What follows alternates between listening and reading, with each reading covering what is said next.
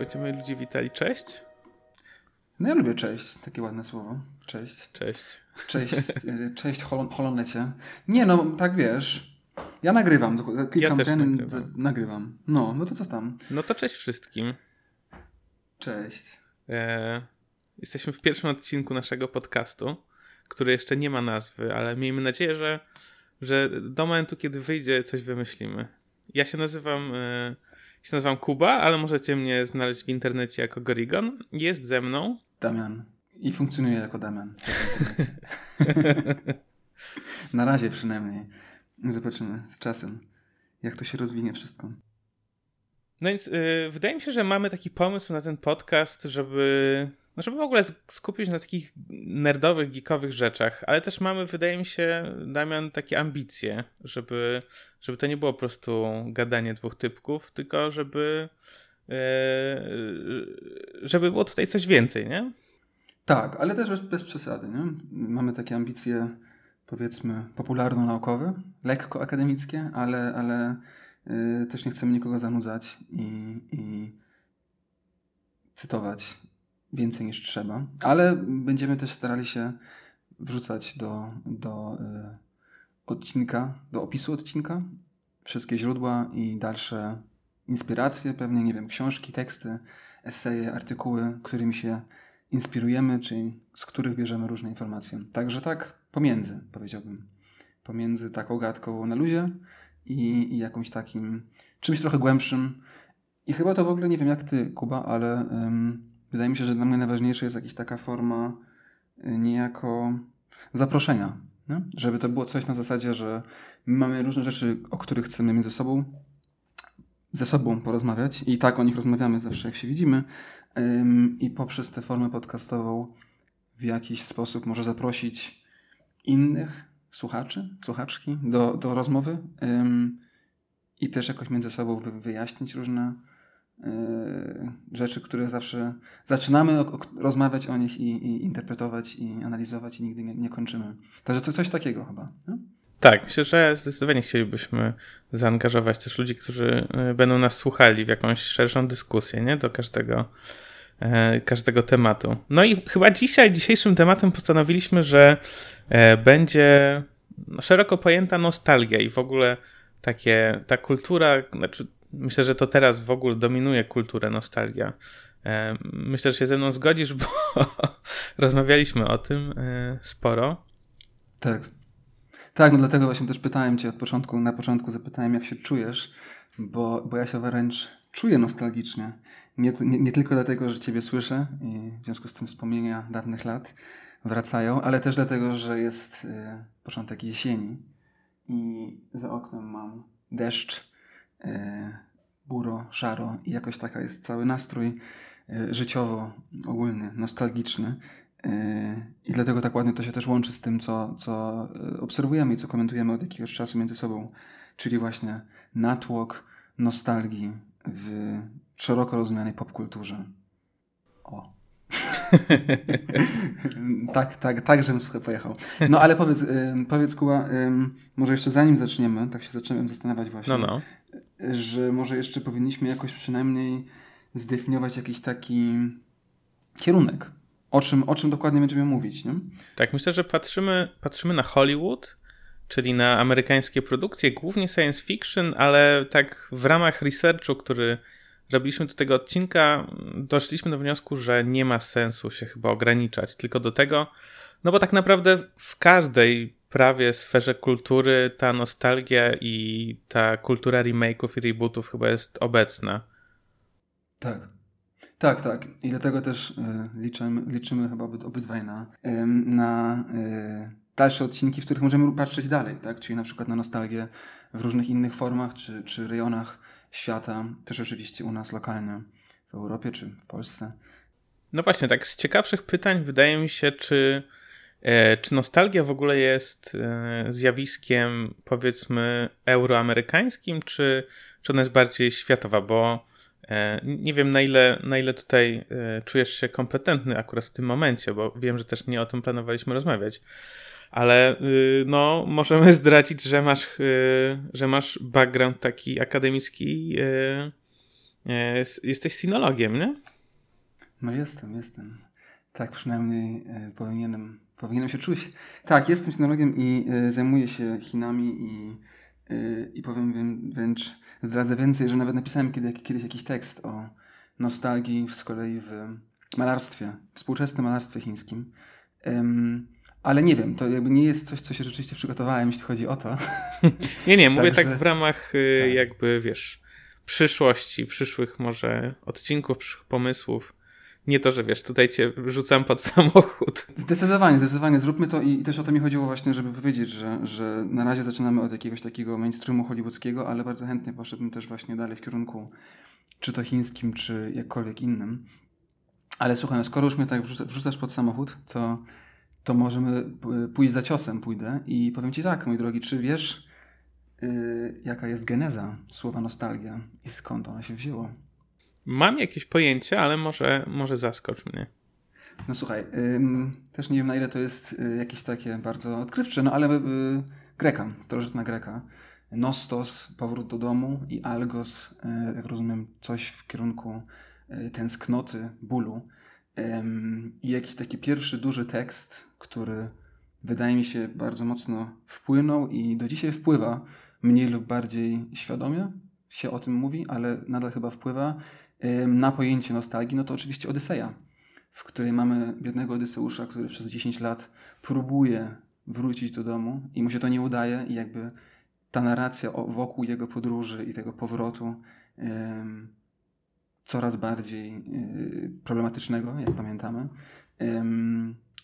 jest tym, co w jakiś sposób wpłynęło na to słowo. Tak mi się wydaje. Przynajmniej tak, tak udało mi się kiedyś wynaleźć, jak, jak coś tam o tym pisałem. Także to jest jakiś taki początek, no i oczywiście potem już tak bardzo poglądowo wchodząc w jakieś rzeczy psychologiczno-psychoanalityczne, całkiem śmiesznym footnotem wydaje mi się jest to, że do, słuchaj, połowy XX wieku nostalgia yy, i coś, co się po angielsku nazywa homesickness, nie wiem jak to po polsku powiedzieć, tęsknota za domem. Tęsknota za domem chyba.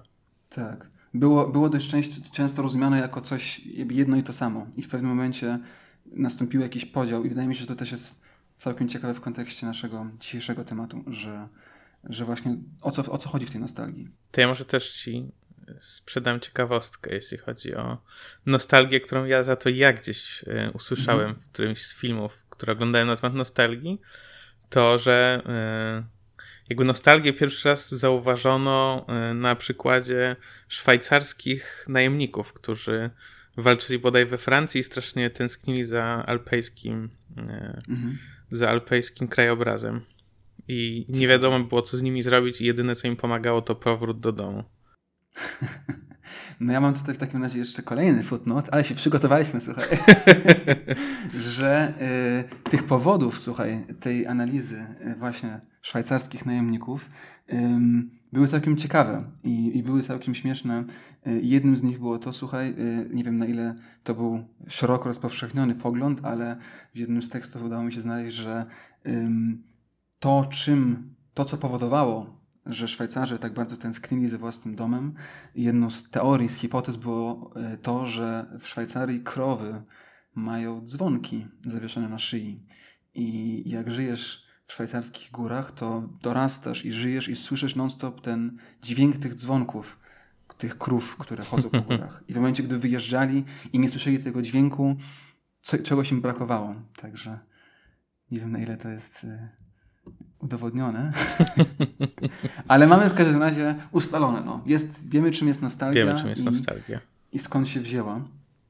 No właśnie, i teraz y, wydaje mi się, że może bez ceregieli przejdźmy już do tego, o czym chcieliśmy mówić, czyli po prostu o nostalgii e, w popkulturze i o nostalgii w kinie i o nostalgii w ogóle takiej przesiąkającej wszystko.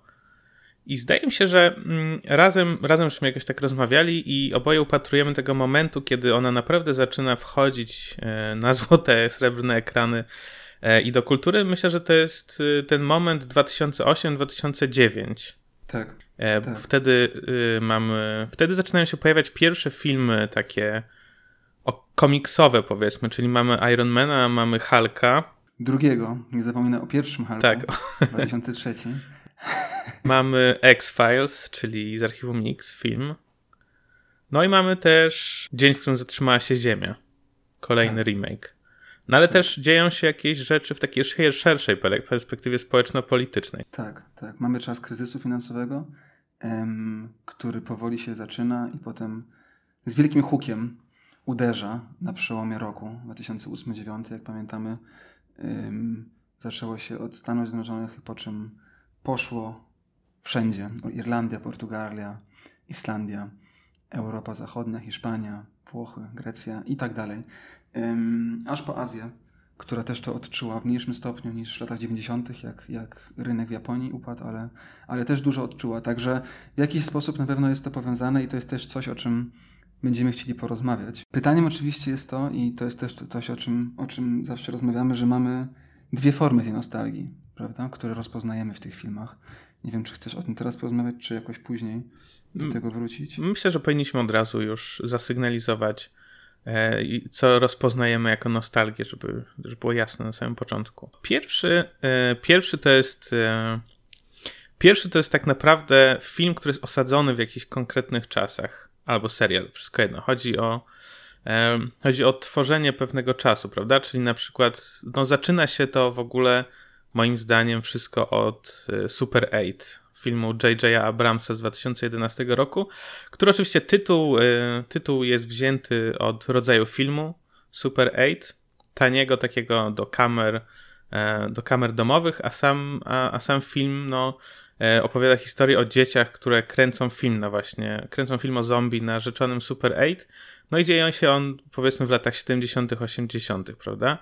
I tak, potem dokładnie y, 79, prawda? tak. Lato, lato 79, tak wydaje mi się. naprawdę on potem staje się, wydaje mi się, sztampą dla takich rzeczy jak y, Stranger Things i tak dalej. Mamy taką grupkę dzieci, które tak naprawdę mają konkretne role. Tak. I to by była ta pier- ten pierwszy rodzaj nostalgii, tak? Czyli stworzenie świata, który... No właśnie, ale teraz pytanie, dla kogo to jest nostalgiczne w takim razie? Dla twórców, dla widzów? Bo nie dla aktorów, tak? To są dzieci w wieku, nie wiem, 12-11 lat.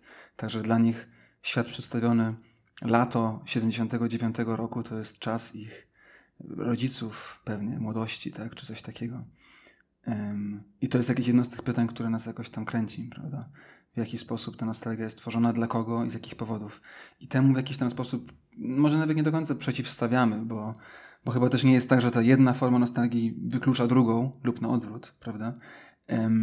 Ale drugim jakimś takim trendem, który jest bardzo istotny i, i który to definiuje, to są wszelkiego rodzaju remake'i, czyli filmy, y, które są stworzone na, nowo po, po iluś tam latach z nową obsadą, ale y, no jakby opowiadające te same historie co filmy z dawnych lat, tudzież sequele, czyli kontynuacje dawnych filmów lub prequele, czyli em, filmy, które do, dopowiadają to, co było przed danym filmem. Coś jeszcze? Remake'i, sequele, prequele, chyba to. Czyli filmy, które, które no i oczywiście ekranizacje, tak? czyli ekranizacje powieści, komiksów ym, lub nawet zabawek, gier komputerowych, różnych rzeczy z podobnego okresu. Tak? Mówimy tutaj o latach 70., 80. i ostatnio nawet 90., ale to by były chyba te, te 30 lat, które jakoś tam dominują. Co o tym myślisz? Między 70. a 90. Tak, wydaje mi się, że lata 90. też zaczynają powoli powoli być już re- rebootowane i wznawiane, dlatego że no nie, nie ukrywajmy, to już było powiedzmy 20 lat temu ponad. O Jezus. No właśnie, no ale tutaj mamy takie filmy jak e, w 2009 na przykład e, nowy Star Trek.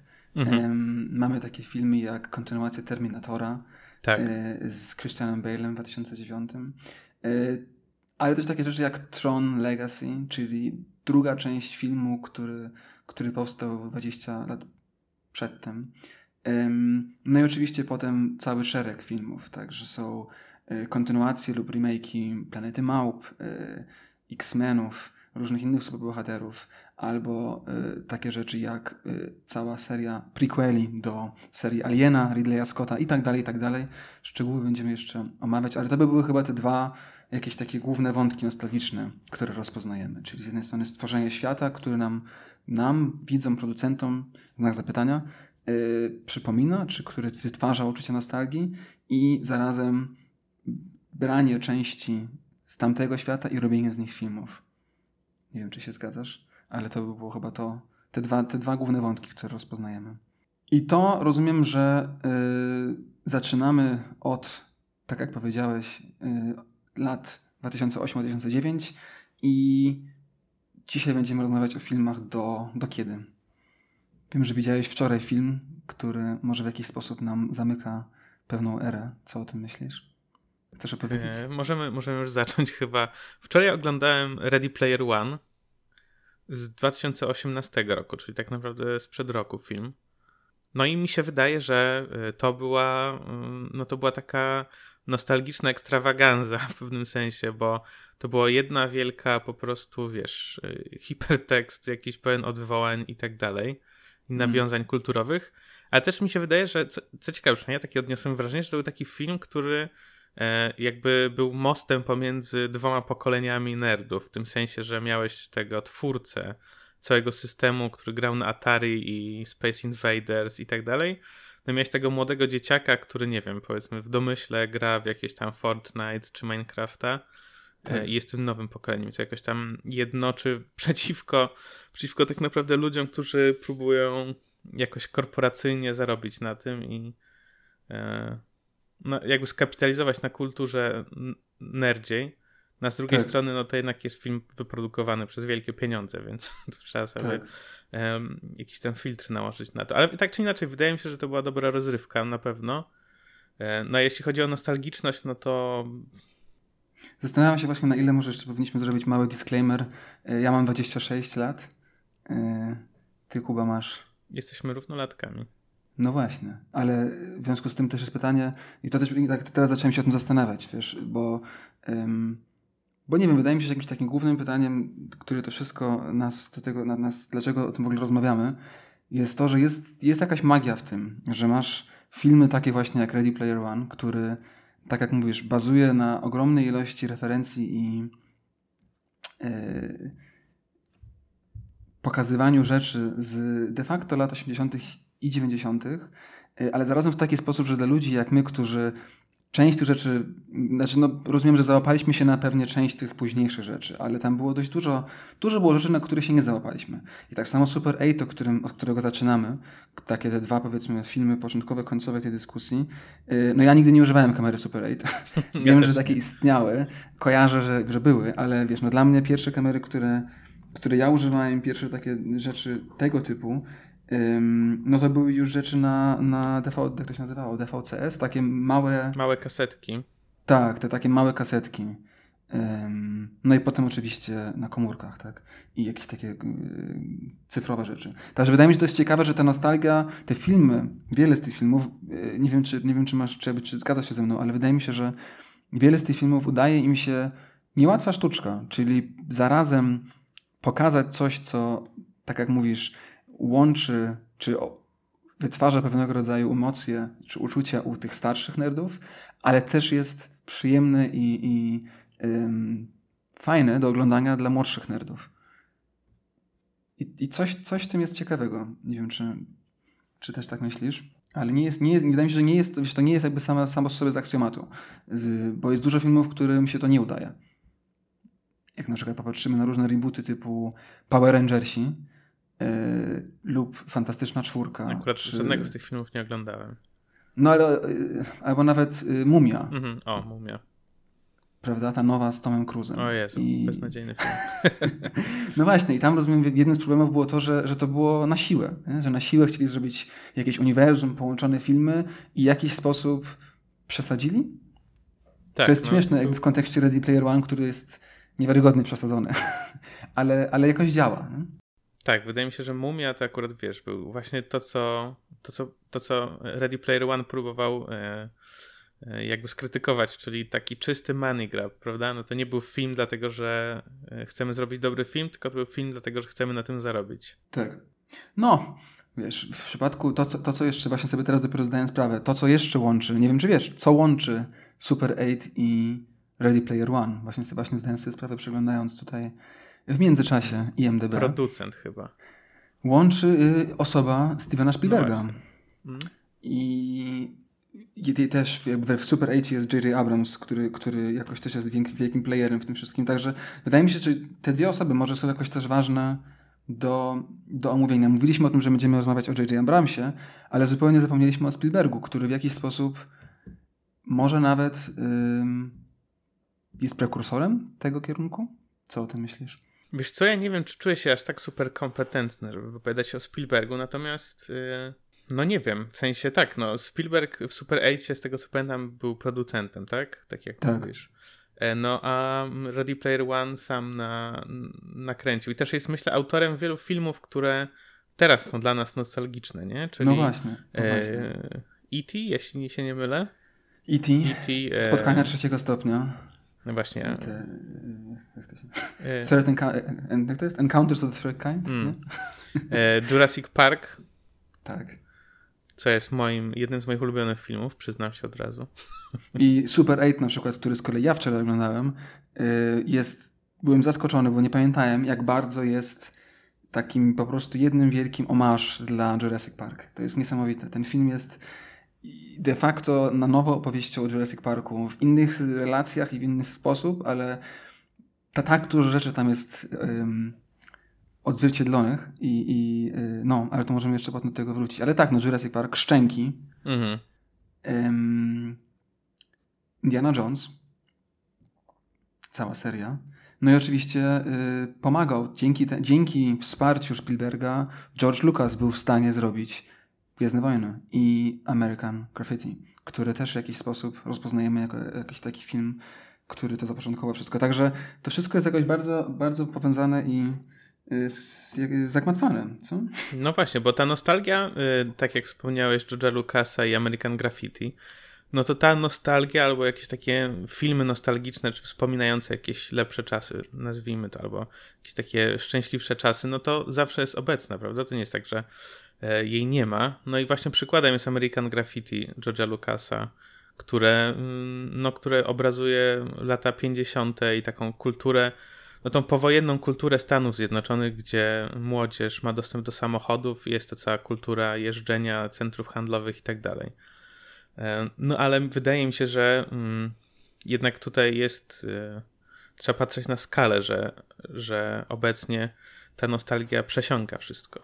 Nie jest to jeden film, który nakręcił Lukas. Tak. No dobra, to... Tak, tak, mhm. tak.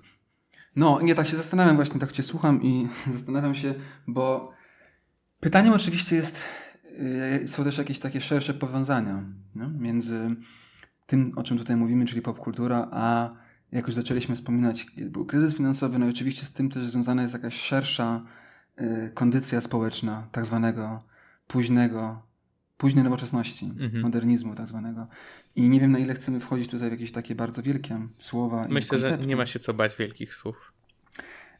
Był taki socjolog, e, bardzo ważny i wpływowy, Zygmunt Bauman, który umarł. Kiedy on umarł? W zeszłym roku chyba umarł, co? E, czy dwa, lata, lata temu. temu. W każdym razie jednym z jego, y, on zajmował się Holokaustem i innymi tymi rzeczami, ale jedną z jego takich, takich teorii, które w jakiś sposób nie wiem, wydaje mi się bardzo związana właśnie z nostalgią, jest e, tak zwana płynna nowoczesność. Liquid Modernity, on po angielsku pisał.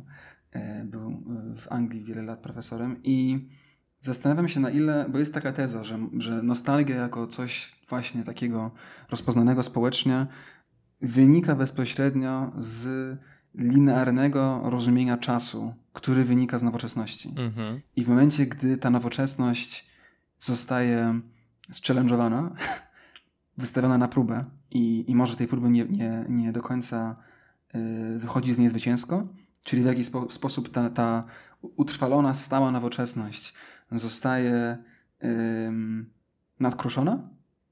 Może też ten czas linearny zostaje w jakiś sposób nadkruszony i coś, co nam wydaje się bardzo ważne, czy jest dla nas bardzo ważne, nagle przestaje nim być. I mówię tutaj o II wojnie światowej. Wydaje mi się, że to mhm. jest jakiś taki, taka cezura, o której zawsze się mówi, że ta druga wojna światowa dużo rzeczy zmieniła, rzecz jasna. I zastanawiam się, na ile właśnie wspominałeś American Graffiti, który jest takim filmem z lat 60., 70., który mówi o latach 50., i potem mamy filmy z lat 90., które mówią o tych latach przed tym. Na ile to jest taki powrót? Pytań, chyba pytaniem, do którego zmierzam, jest trochę y, takie pytanie na przekór, które ci tutaj zadaję, y, Kuba. Y, do czego, do czego jest ta nostalgia? Do czego chcemy wrócić? Umówiliśmy się, że to jest, że dzisiaj jest luźniejsza formuła, więc ja tutaj dużo dowodów nie mam. E, natomiast jeśli chodzi o Baumana, to e, ciekawa sprawa, bo prowadziłem rozmowę z Gośką, moją partnerką, e, a propos, a propos, nie pamiętam już a propos czego, ale powiedziała, że mm, jak będę z tobą nagrywał ten odcinek, żebym wspomniał o Baumanie i właśnie o mm, cykliczności, o płynności i na pewno znajdę w tobie sojusznika. Tak. Więc ja się tak. zgadzam. A do czego wracamy, to ja mam jakieś przeczucie takie, oczywiście tak jak mówię, nie mam na to wiele dowodów, ale yy, wydaje mi się, że właśnie głównie chodzi o, no z jednej strony mamy problem tego kryzysu, który wspomniałeś, prawda? On jakoś tak zachwiał w ogóle, e, zachwiał mm, takim poczuciem bezpieczeństwa, które przynajmniej, no bo po, umówmy się, że poruszamy się tutaj w jakimś takim świecie anglosaskim, troszkę w Europie, więc zachwiał może jakieś takie poczucie bezpieczeństwa, Mm. mm. które jakoś było, którego się zawsze, mm, no nie wiem, które jakoś Amerykanie przynajmniej czuli, prawda? No przynajmniej od końca zimnej wojny, prawda? Tak. Że masz czas zimnej wojny, który się kończy z upadkiem Związku Radzieckiego i tymi wszystkimi zmianami i, i był jakiś taki czas lat 90., 2000 wzrostu gospodarczego, e, końca historii, różnych jakichś takich tez.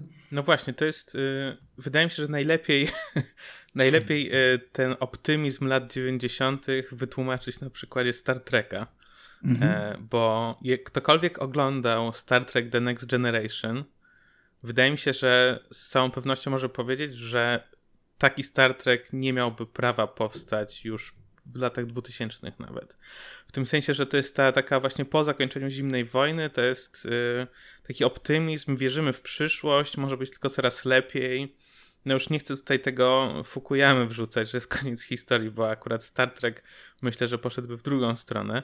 E, ale, ale wydaje mi się, że to jest ten optymizm, który już potem, no potem po latach 90. jakoś e, przytłumił się, no i myślę, że po 2008-2009 roku już totalnie nie ma tego optymizmu i myślę, że to jest jakoś związane właśnie bo jeszcze chyba nie wspomnieliśmy o milenialsach, bardzo popularnym e, określeniu socjologicznym. Słowo klucz. Słowo klucz. Słowo, słowo, słowo wytrych.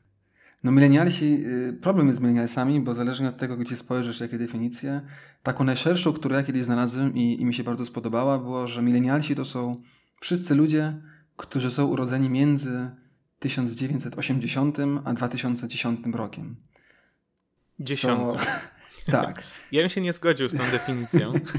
No, ciężko, ciężko. Mi się, ja, ja jakoś takie mam, ja zawsze jak myślę o milenialsach, to nie wiem, gdzie ich zacząć, prawda? Bo są osoby, które, nie wiem, które się urodziły w latach 70. E, i nie są milenialsami, a są osoby, które się urodziły w latach 70. i totalnie jakby wpisują się w kulturę milenialsów, jakiś taki mm, ogon, powiedzmy jej ale zawsze te jakby koniec milenialsów dla mnie i początek, nie wiem, jakich tam Gen Z teraz się chyba nazywa, to pokolenie nie, obecne. Nie, nie, dla mnie to są zawsze osoby, które są już internet native, czyli osoby, które e, nie znają świata przed internetem. Wiem, że to jest może troszkę naiwne e, patrzenie na to wszystko, ale jednak wydaje mi się, że no nie, my na przykład jak dorastaliśmy, to nie mieliśmy internetu, nie? Tak. Ja, ja dodałbym może jakby jeszcze bardziej szczegółową definicję, z którą na przykład mi się podoba, bo ja miałem internet od kiedy miałem 10-12 lat może, coś takiego, ale coś, co, co mi się podoba, jeśli chodzi o definicję, to są osoby, które dorastały bez internetu mobilnego. Bo wydaje mi się, że to bardzo dużo zmieniło. Hmm. Ja pamiętam, też pamiętasz na pewno, jak był w App Store i się ściągało dzwonki na polifon tak. polifoniczne i tak dalej.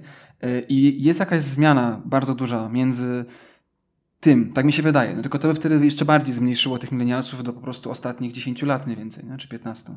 Ale wiesz co ma na myśli, bo jednak taki internet lat 90., że trzeba było ustalić y, z, z, z rodzicami, żeby może akurat nie dzwonili do nikogo przez następną godzinę i miałeś łączenie przez faksa i tak dalej, mm, to jest jakby jednak nadal tak zupełnie inny internet, doświadczenie internetu, tak zupełnie inne doświadczenie internetu niż yy, na iPadzie Touchu czy na iPhone'ie, wiesz, 3 no czy tak. 2.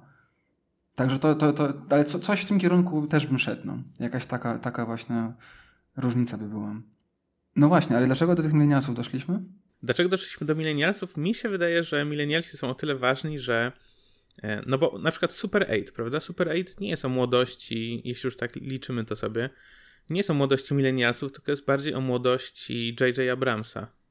Jest o grupie dzieci, która kręci film. Czy to w ogóle nie jest, nie, nie prowadziłem tego, ale miałem bardzo mocne wrażenie filmu inspirowanego biograficznie. Także mhm. mam wrażenie, że to jest po prostu film o nim w jakiś tam sposób. Też miałem takie wrażenie, jak oglądałem ten film. Takie jakieś tak. intuicje. Nie dość, że główny bohater wygląda jak on, ale jakby cała ta sceneria i no i jakby ilość nawiązań mhm. i, i, i tak dalej, tak. Wiadomo, no pytaniem to też oczywiście jest um, no znowu, no to pytanie, od którego uciekamy, może nie powinniśmy. No jakby dla, dla kogo nostalgia i z jakiego powodu nostalgia? Bo rozumiem, że dążysz do tego, że milenialsi nie mogą czuć nostalgii. Czy pytasz, jak rozumiem, czy, czy milenialsi mogą czuć nostalgię do czasów, których nie przeżyli? Czy to, czy, czy to jest coś, co jakby istnieje? Nie wiem. Co o tym myślisz? Mi się wydaje, że w ogóle milenialsi... Yy no bo tutaj ja mam problem, szczerze mówiąc, bo nostalgia z jednej strony oczywiście jest takim, takiego rodzaju safety blanketem, prawda? Jakimś takim bezpiecznym miejscem, które po prostu jak się... Ja to znam na swoim przykładzie, bo e, zawsze jak się, jak mam gorszy okres w życiu, to, e, to odnawiam subskrypcję w World of Warcraft e, albo oglądam The Office i po prostu, wiesz, są takie bezpieczne... Amerykańskie czy brytyjskie? E, amerykańskie. Brytyjskie raz oglądałem, ale jakoś nie jest dla mnie, w sensie nie jest taki feel good dla mnie. E, no i jak wiesz, y, jak, jak to sobie odpalę, to, to są takie bezpieczne miejsca w popkulturze, które znamy i do których jakoś można sobie bezpiecznie wrócić, bo e, przywołują ci jakieś takie, no The Office mniej, ale Warcraft zdecydowanie, wiesz, przywołuje takie poczucie poczucie jakichś czasów, które były i były super, bo nie miałem jakichś tam zobowiązań ani zmartwień, nie? Tak, tak. wiesz, mówiąc już tak totalnie, mm, e, totalnie nie akademicko i nie naukowo.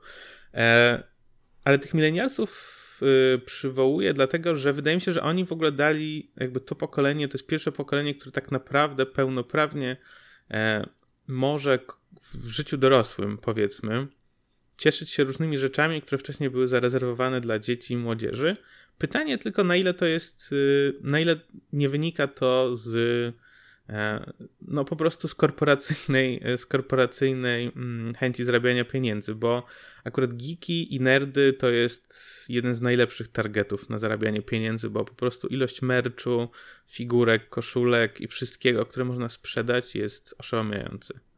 No właśnie, to jest ciekawe, bo to jest coś, co na pewno jest nowe. I mianowicie tak zwane, wiesz, I'm nerd and I'm proud of it. Wydaje mi się, że to jest coś, co jest bardzo nowe, bo masz szereg filmów, czy seriali, czy no po prostu taki, taki, yy, taki topos w kulturze, że masz tych, wiesz, the cool guys, którzy grają w, w basketball i, i są umięśnieni i chodzą na basen i podrywają dziewczyny, czy na odwrót. Yy, no i masz nerdów, nie? I jakby z nerdów się śmiejemy i, i w tych filmach są zawsze pokazywani jako ci, którzy, którzy jakimiś tam są, no rozumiem, luzerami w jakiś sposób. I coś się zmienia. I nagle coś się zmienia i zgadzam się z tobą, że ta zmiana wydaje mi się, że naprawdę może być yy, yy, zapoczątkowana przez Super 8, w którym masz grupę siedmiu czy ośmiu nerdów yy, i to takich naprawdę nerdów. No. Masz Masz y, chłopaka, który kręci film o zombie, inspirowany oczywiście Maxem Romeo. Masz. Y, no tak, to jest głównego... Romero Chemicals. Tak, tak. Masz głównego bohatera, który, y, który robi modele, który lepi modele, maluje modele samolotów i pociągów i figurek. I tak dalej, i tak dalej. Masz też wizualnie to wszystko się zgadza, tak? Masz, masz chłopaka z większym aparatem na zęby niż, niż jego własne zęby. i tak dalej, i tak dalej. I nagle nie są pokazani jako luzerzy, jako ci, którzy przegrywają i, i z których się śmiejemy, tylko są pokazani jako ci, którzy są cool. To oni, koniec końców, dzięki temu, właśnie, i to jest ważne, dzięki temu, że są nerdami, rozpoznają, że potwór nie jest potworem bo jest potworem, tylko jest potworem, bo został zmuszony do bycia potworem przez dorosłych. W tym wypadku złych dorosłych. I, I wydaje mi się, że to jest bardzo ciekawa zmiana, bo to jest nie tylko zmiana w formie narratywnej w tym filmie, ale w ogóle jakaś taka szeroka zmiana, że nagle też oczywiście kolejne tutaj słowo wytrych yy, hipsterzy, powiązane z kulturą hipsterstwa, tak? że nagle wszyscy chcą być nerdami, czy są nerdami, ale jesteśmy też dumni z tego, nie? że wchodzimy jakby w, jest cool mieć koszulkę z Darthem Vaderem i, i, i tak dalej, i tak dalej. Mieć tatuaże z y, Avengersami i wszelkie inne rzeczy. I w związku z tym to jest coś, co mnie jakoś fascynuje, że masz zmianę na tylu różnych warstwach, że z jednej strony Hollywood rozpoznaje, że to jest supermarket, w związku z tym mogło zarabiać y, dużo więcej niż na innych filmach. Masz niepewność pokryzysową, w związku z tym dążenie i chęć ludzi do do oglądania czegoś, co jest takim właśnie, no taką safe zoną, tak jak mówisz, czymś, co, co nas yy, wprawia w nastrój pewności i yy, no jakiegoś takiego, rozumiem, błogiego zapomnienia, tak? I po trzecie masz pełny embrace kulturowy, kultury nerdów i bycia nerdem jako coś pozytywnego. I to jest jakiś taki trójkąt, który jest niesamowicie fascynujący i stałbym za tezą, że jest czymś nowym, że, że takiego trójkąta nie, jeszcze nie widzieliśmy poprzednich czasach. Tak, no wydaje mi się, że e, zmainstreamizowanie w ogóle tożsamości e, nerdowej e, jest bardzo ważne i jest jakimś przełomowym momentem. Nie wiem, nie wiem kiedy tak naprawdę to się stało. To trzeba by, trzeba by pokminić, trzeba by to sprawdzić. Wydaje mi się, że właśnie to się pokrywa z Super 8 i może masz dobrą intuicję, że że jakby ten film albo wyczuwa to, albo tak naprawdę też jest jakimś popchnięciem w tę stronę. Yy, ale z drugiej strony, no ja, dla mnie tam jednak coś, coś złego za tym wszystkim stoi, w tym sensie, że e, tak. to jest, jest nie imperator. Sam, tak, Duch imperatora krąży nad wszystkim. E, to nie jest, wiesz, to nie jest wzięcie obraźliwego słowa, na przykład queer i e, zmiana go w coś, co jest nasze, tylko to jest raczej jakieś takie, nie wiem, mam takie poczucie, że jednak e, bardzo dużo, bardzo dużo tego to jest, e, to jest po prostu możliwość zarobienia na tym, że ta tożsamość jest jakaś tam zapakowana i sprzedawalna bardzo łatwo, nie? Tak, ale trochę e, jakby na kontrze do tego, co mówisz, zgadzam się, ale z drugiej strony to wszystko, co powiedziałeś, jest też po prostu definicją Hollywoodu.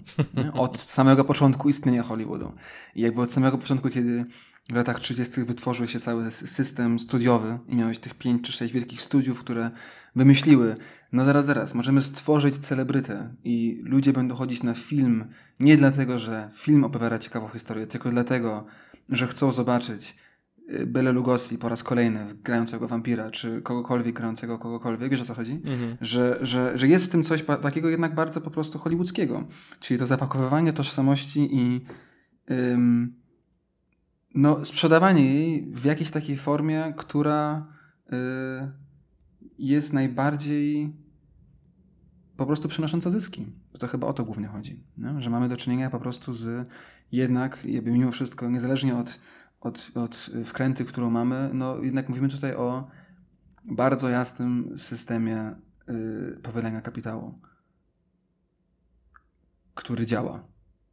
I dlatego też te filmy, jak, jak rozpoznajemy, po tym w 2010-2011 namnażają się filmy bazujące na nostalgii, właśnie jednej z tych dwóch lub obu, które na początku zdefiniowaliśmy, namnażają się w sposób yy, no, eksponencjalny. Tak, się, tak mówi? Geometryczny? Nie. No jest ich dużo. Tak, 2011 rok myślę, że zidentyfikowaliśmy jako ten moment, w którym po prostu to hardkorowo wybucha i jest mm, cała seria takich filmów. Czekaj, mamy całą listę. E, jest to no Super 8, Planeta Małp, The Thing, Thor, Transformers, X-Men. E, pewnie jeszcze jest tych filmów o wiele więcej, a tutaj mamy te wypisane. Jeszcze jedna ciekawa rzecz. Te wszystkie filmy, które właśnie wymieniłeś i te kolejne też Transformersi, Thor, Men in Black, Total Recall, Endless Game i tak dalej. Interstellar, Robocop. Coś jeszcze je wszystkie łączy. Mianowicie łączy je to, że w większości są yy, z gatunku sci-fi. I to jest pytanie, które też sobie zapisałem, żeby ci zadać. Hmm. Dlaczego myślisz, że akurat sci-fi jest tym gatunkiem, który tak bardzo y, został opanowany przez nostalgię? Dlaczego nie, nie są to komedie romantyczne lub filmy rodzinne, familijne? Jak to się mówi? Filmy? No nieważne. Wiesz o co mi chodzi. Dlaczego co akurat sci-fi? No to jest ciekawe pytanie. Sci-fi w sumie od. Yy, może od zawsze nawet, ale na pewno od końca. Od, od końca II wojny światowej w sumie. Yy, znaczy, sci-fi zawsze było tym miejscem, w którym yy, jakaś taka, wiesz, yy, społeczne. Czekaj, teraz moja znajomość Freuda wychodzi. Ego, id zawsze się manifestuje. Mm, no, unconscious, podświadome się się manifestuje, więc wiesz, w latach 50. mamy Attack of the Pod People, gdzie po prostu mamy lęki przed e, Związkiem Radzieckim i przed, yy, wiesz, taką uniformizacją społeczeństwa i tak dalej. E, tak. No nie wiem, Godzilla, tak. o której teraz, w którą teraz mam wkrętkę, to no, jest jasna metafora bomby atomowej, jakiś taki ma super mocny przekaz antywojenny. Tak, ale tutaj nie spoilerujemy, bo to będzie nasz kolejny odcinek. tak, możecie się spodziewać e, odcinka o Godzilli. E... No właśnie, ale, ale to jest też, jakby w pełni się z tobą zgadzam, ale to jest też o tyle ciekawe, bo to jest trochę takie... Mam wrażenie, że troszkę odpowiedziałem na twoje pytanie, w sensie wyminąłem twoje pytanie, bo e, szczerze mówiąc... E, a, jakie jest twoje zdanie? Co ty myślisz? Może to mi podpowiedz. Nie, też nie jest tak, wiesz, nie jest tak, że tu sobie przygotowałem odpowiedzi, także nie, nie, nie, nie próbuję cię tutaj wprowadzić na manewkę. Manewce, panew... Ma, ma... Manowce. Manowce, o. nie próbuję cię wprowadzić na manowce, um, ale tylko po prostu zacząłem się zastanawiać, jak przeglądałem te listy i słuchałem ciebie czytającego te tytuły, że coś jest w tym jednak takiego trochę zabawnego, nie? że mamy filmy, które są o przeszłości, sci-fi, które są nostalgiczne o przeszłości. Mhm. I, I, jakoś mnie to uderzyło, że, że, że też nie mam odpowiedzi, ale wydaje mi się, że może znajdziemy ją. E, wydaje mi się, że tutaj bardzo magicznym słowem, które y, może coś nam otworzyć, jest y, no, escapizm po prostu. W tym sensie, że science fiction, w science fiction masz, masz świat przedstawiony, który często bywa y, podobny do świata rzeczywistego, w którym żyjemy. Ale, ale, ale może być też bardzo inny. W tym sensie to jest bezpieczne miejsce do E, opowiadania różnych historii, które inaczej mogły być zbyt, e, no zbyt blisko domu jednym słowem, zbyt dramatyczne e, w tym sensie, no, no nie wiem, tak, tak, takie jakoś teraz, tak mi to przyszło do głowy, że, że tak science fiction pozwala ci eksplorować różne tematy, tak jak właśnie z tymi potworami i tak dalej, no bo jedna rzecz jest obejrzeć film o tym jak, albo nakręcić nawet film o tym, jak Związek Radziecki przeprowadza inwazję na Stany Zjednoczone i wszystkich wsadza do obozów reedukacyjnych. A inna rzecz jest obejrzeć atak o film o kosmitach, którzy nagle porywają mieszkańców w małym miasteczku i zmieniają ich y, w, podsy, czy, czy cokolwiek. No już niestety nie będę tak dobrze tego filmu. W każdym razie tak. unifikują ich. Y, no i wydaje mi się, że to jest bezpieczniejsza metoda opowiedzenia tego strachu. Na pewno jest to, jest, jest, jest w tym dużo prawdy. Y, co mówisz. I o tyle też to jest ciekawe, że wchodząc jakby jeszcze głębiej, wspomniałeś Star Treka z lat 90. Są też filmy, które są pomiędzy tym czasem, czyli pomiędzy tym czasem powiedzmy, uznajemy jakby dla naszej hipotezy, że to zgadzamy się, że rzeczywiście jest jakaś, jakaś pewność lat 90., która potem zostaje zniszczona wraz z kryzysem. I pomiędzy tym wydaje mi się, że też są ciekawe filmy, które może trochę to um, przewidują, tak zwany foreshadowing. Um, I mam na myśli tutaj na przykład Gwiezdne Wojny. Jak zobaczysz sobie prequele, które powstają między 99 a 2005, um, to też są filmy, które bardzo jasno ci pokazują nastroje społeczne. I masz stare, oryginalną trylogię, w której chodzi o walkę, o, o y, zdobycie y, księżniczki, potem zdobycie wiesz, tytułów i pokonanie złoli i tak dalej. Po czym nagle masz prequele, w których masz dużo większy nacisk położony na machlojki polityczne, na y, jakąś taką rozpad systemu od wewnątrz i, i tak dalej. I wiesz, co mam na myśli? Totalnie wiem, co masz na myśli. Myślę, że to jest jedna z rzeczy, które e, trochę, nie wiem, część osób może dlatego nie lubiła tych filmów. Znaczy, poza tym, że jest drewniany aktor i tak dalej, to zostawmy te rzeczy. Ale że jest jakby zmiana totalna skali, nie? Że stare filmy to jest takie kino przygody, że tak naprawdę to jest, wiesz, opowiedzenie jakichś dobrze znanych historii, ale masz jednego bohatera, jego drogę i tak dalej. E, a tak naprawdę te, te, no, te prequele, one zmieniają skalę, jakby masz nagle całe tło polityczne, które komplikuje obraz. E, I ja zawsze, jak oglądam e, prequele, które, no, nie wiem, nostalgicznie wspominam prequele, tak. to zawsze, mm, zawsze jest ten wątek polityczny i on się goście zawsze najbardziej podoba i mówi, że mogłoby tak naprawdę tego machania mieczami nie być. Że tak. ten wątek polityczny jest najciekawszy właśnie. Tak, tak, tak. No ja, ja to też jest y, jakby jesteśmy w tym samym wieku, w związku z tym też tak mam, że dla mnie prequele są dużo bardziej nostalgiczne niż, y, niż, niż oryginalna trylogia. Bo też jakby, no wiesz, to był pierwszy film, na którym byłem, nie pierwszy, ale jeden z pierwszych filmów, na których byłem w kinie i tak dalej. E, w związku z tym mam bardzo mocne właśnie wspomnienia nostalgiczne, ale zgadzam się, no powiem jeszcze więcej, jest y, z książek, które, a, nie wiem, nie wiem, czy chcemy wchodzić teraz w Gwiezdne Wojny, bo to też jest jeden z odcinków przyszłych. Myślę, że tylko... Gwiezdne Wojny to jest temat, z którego się nie wygrzebiemy. tak, ale tylko napomnę, że jest jedna z książek, które, czy na, książka, która mi się najbardziej podobała, z książek Gwiezdnych Wojen, z tak zwanego dawnego kanonu, dawnego Expanded Universe, które teraz zostało zaklasyfikowane jako legendy. To jest taka książka, w której masz po prostu tylko i wyłącznie opisane machlojki polityczne E, Palpatina i e, jego szefa, jego, jego mistrza. I, I, jest w tym jakaś magia. No. Także w pełni się z Tobą zgadzam i, i z Kośką też się zgadzam, rzecz jasna, e, że jest, jest w tym coś fajnego. Ale tak, no, dużo ludzi ma z tym problem właśnie dlatego. I wydaje mi się, że tutaj wracamy do tego, co mówiłeś o, o nostalgii, że coś, co powinno być, czy jest oczekiwanie, że będzie im wspominać i przypominać dawne czasy i być jakoś takim safe zonem, nagle nim przestaje być, bo masz pokazany rozpad i machlojki polityczne. I to jest nie to, co mhm. chcieli. I chyba taki sam problem jest w jakiejś części przynajmniej z, ze spiną z sequelami, czyli z częściami 7, 8, 9. Chociaż ta spina jest dużo większa i nie będziemy w nią teraz Myślę, wchodzić. Ja chcę tylko powiedzieć, że yy, znaczy The Force Awakens wydaje mi się nie ma aż tak dużej spiny z tym filmem. Czy, czy, się, czy się mylę? Mm. No, zależy kogo pytasz i jak, mhm. ale na pewno największa spina jest z The Last Jedi. Mi się wydaje, że The Last Jedi jednak główna spina z tym filmem wynika trochę z czego innego niż nostalgiczność. E, I nostalgiczność jest tylko bardzo cienką przykrywką do tego wszystkiego.